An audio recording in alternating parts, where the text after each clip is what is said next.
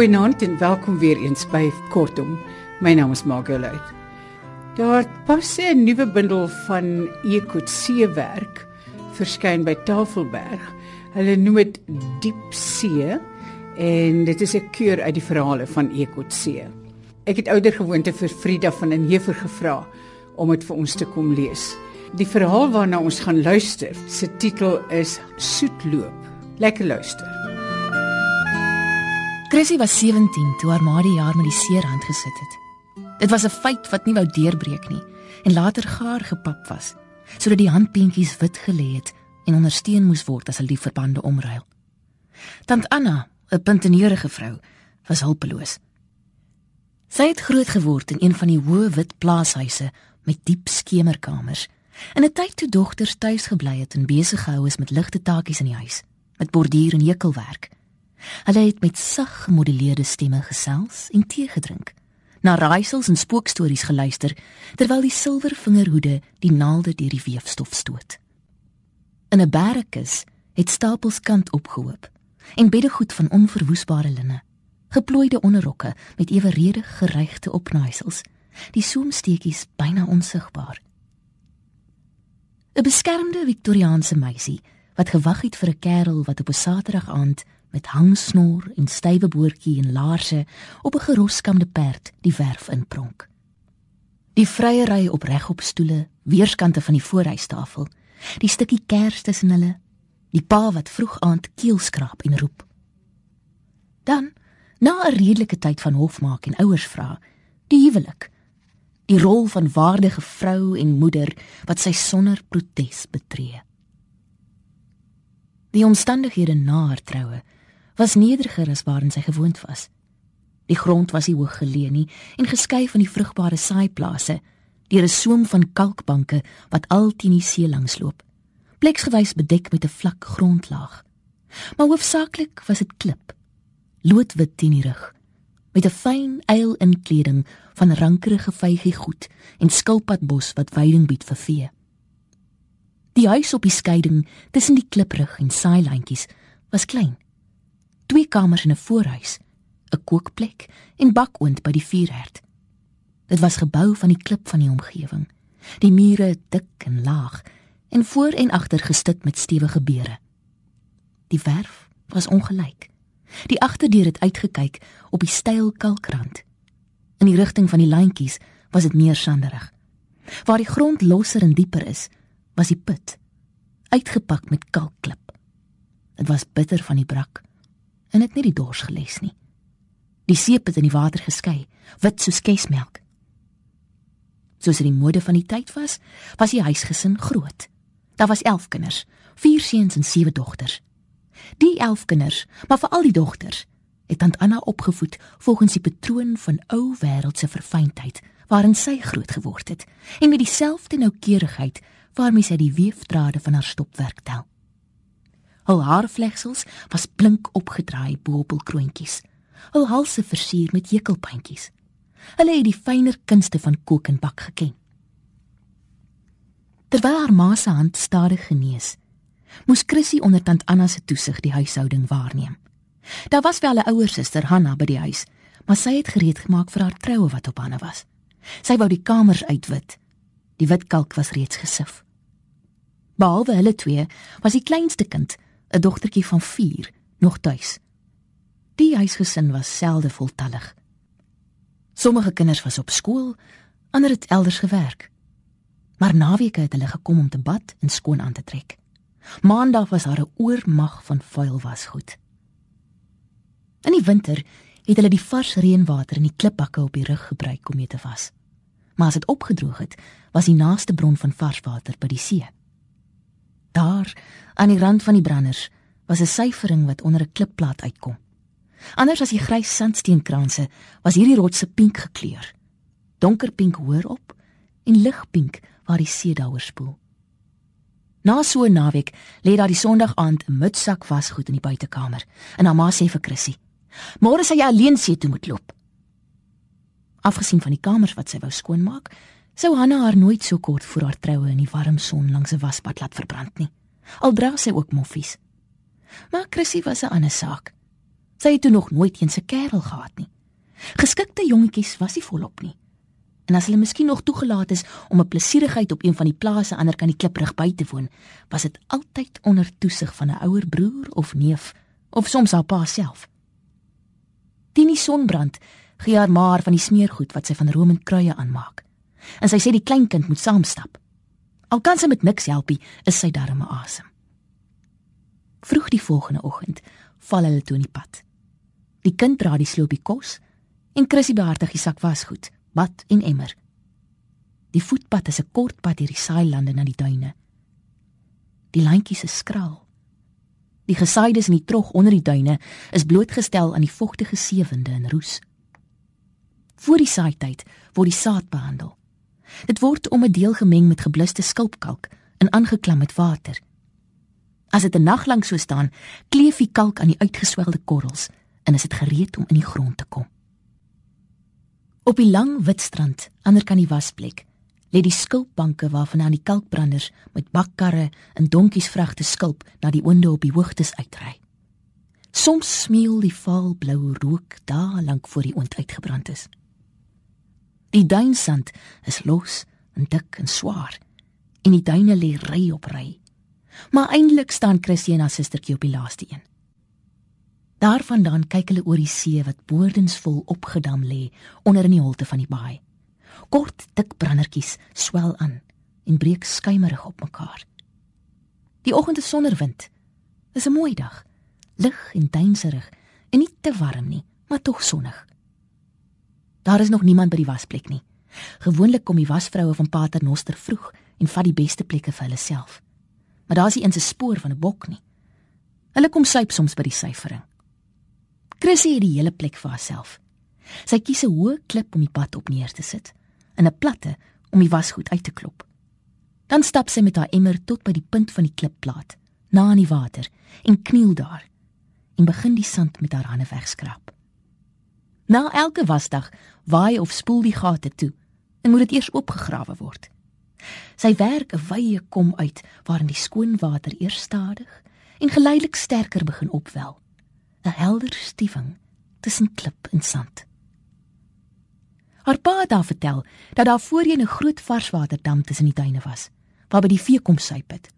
Die water, het hy vermoed, kom van die kliprig af. Wanneer dit reën, sak dit tussen die kalkklip weg en drein neer in die skeure onder die grond af tot hier waar dit weer uitslaan.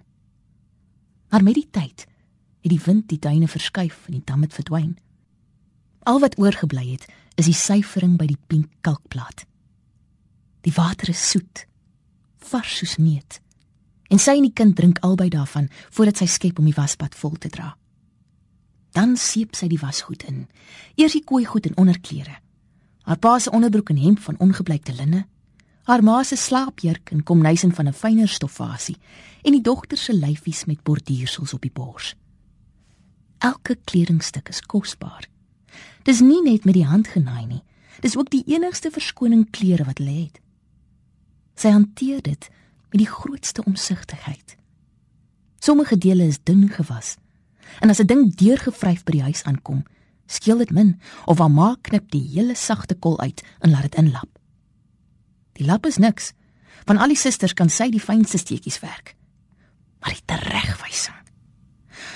Vir Chrissy kan jy nie werk gee nie. Sy speel haar tyd om.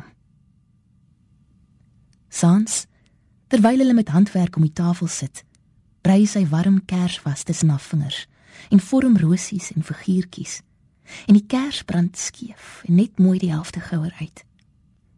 As sy die misvloer moet smeer, vat sy nie 'n besem nie, maar gebruik haar hand om 'n suurpatroon om die rand te teken. Moet sy tafel dek, dan sy eers op die punte van haar tone rondom die tafel met die geruite doek om haar kop getooi. Christofelina, Christofelina, wanneer word jy eendag mens? vra haar ma dan. En omdat 'n mens moet leer om jou kos goed nie met jou kop goed die mekaar te maak nie, laat was haar ma die tafeldoek in die pekelsout pitwater uit. In haar kop, wat sy vir haar straf ook in daardie water moet was, kry sy egter na nie uitgekam nie. Terwyl sy so vryf vryf, voel sy die branderigheid wat die voorloper van bloed is. Sy begin haar vingers deurwas ten spyte van die vingerlappies wat sy dra. Maar dan kan sy die wit goed oopgooi. Die seesand is gewoonlik so skoon dat hulle somme op die sand blyk. Voor sy ooptrek, maak sy seker dat daar nie die vorige dag bokke kom mors het nie. Anders vlekkie wit goed en haar ma sal dadelik sien en sê: "Die ene ram." As haar ma die dag by is, kan hulle nie genoeg deur was en blyk nie. En as dit lyk of die paternoster se vroue wil spoel, ryk haar ma nog 'n slag aan hul goed en laat was sy nog 'n keer deur. Die kind het daar dronk gerol teen die duine en kom druk Chrissy aan vir 'n stukkie brood. Sy voel self ook honger en vou die sloopie oop. Sy skep vir hulle water by die brood en hulle gaan sit op die warm gebakte sand. Terwyl hulle eet, gewaar sy dat die see sy draai elke keer 'n bietjie hoër op die strand kom maak. En elke keer wat hy stoot, stoot hy 'n bolling skuim voor hom uit. Die water groei. Sy sal moet oplet. Sy sê die kind aan om te help kyk.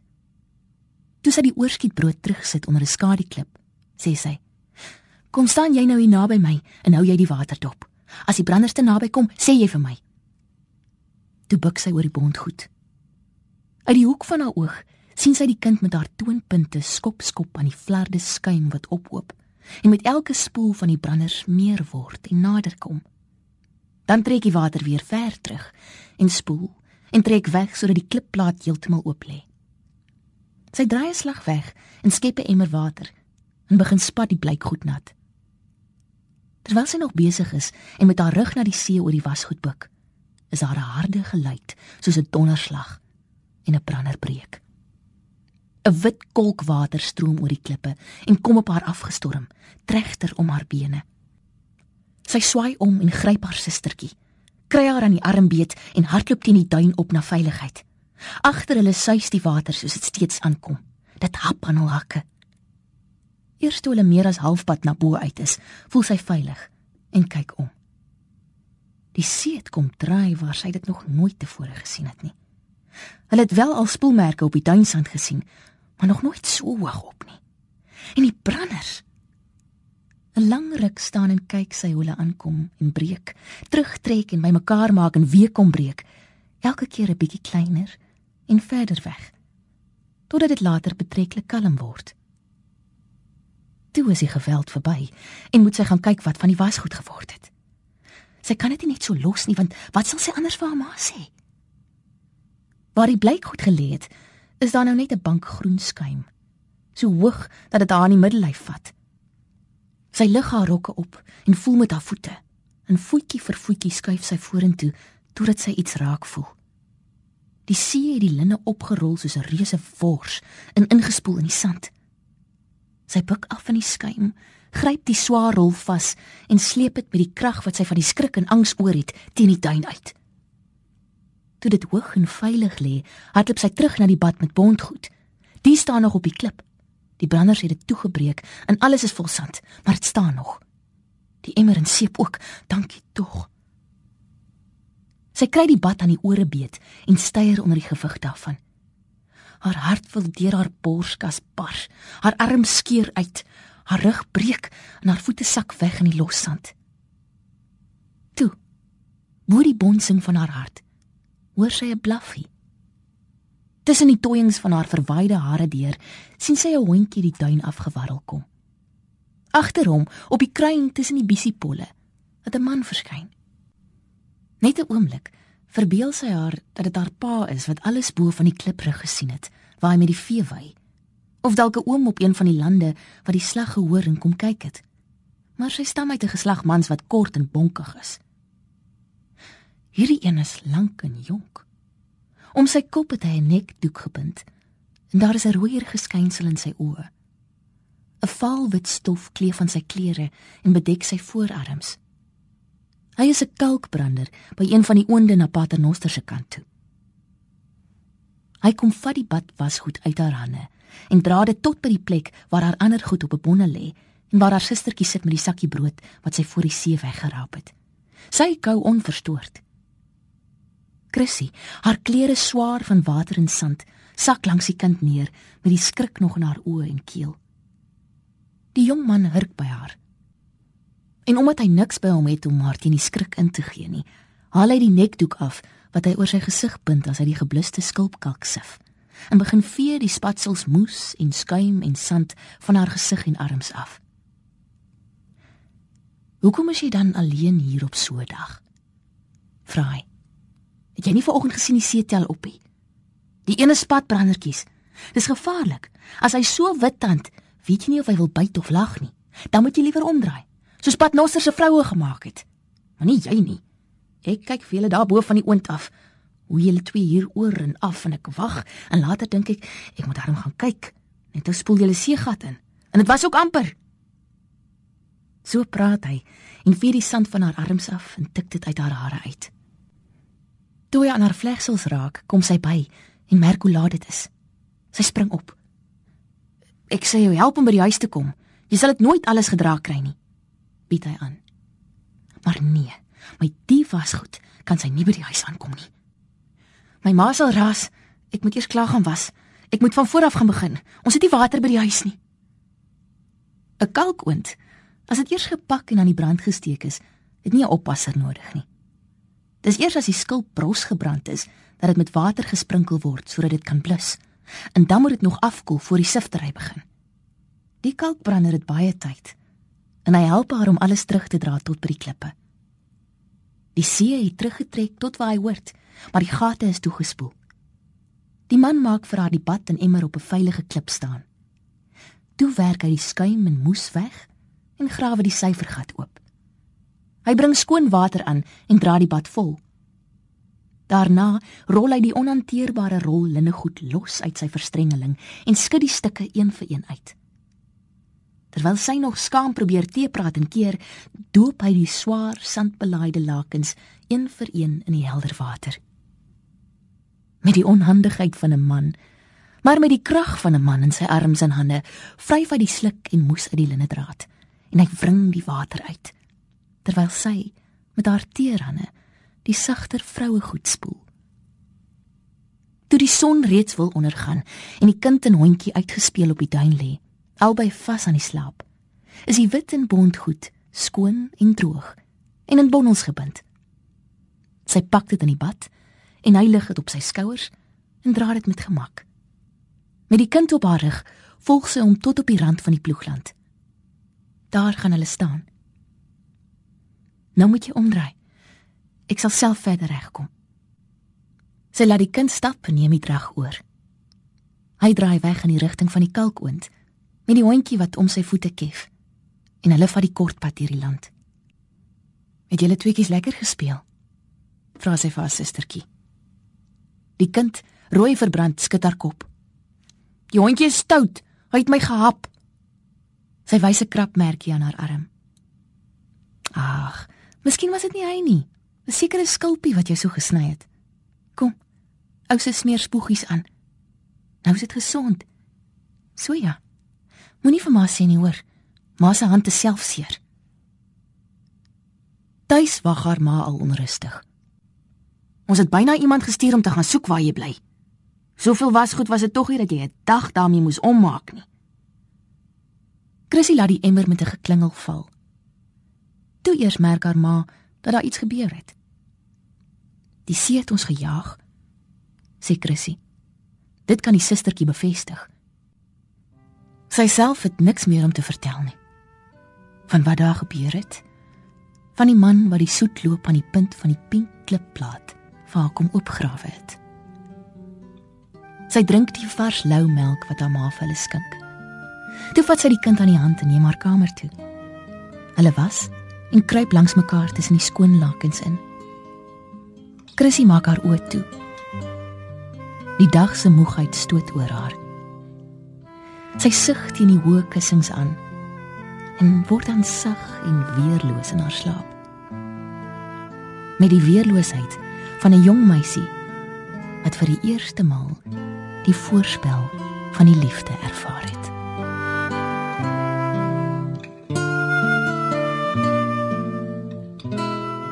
Frida van den Heever het vir ons Ekotse se verhaal Soetloop gelees.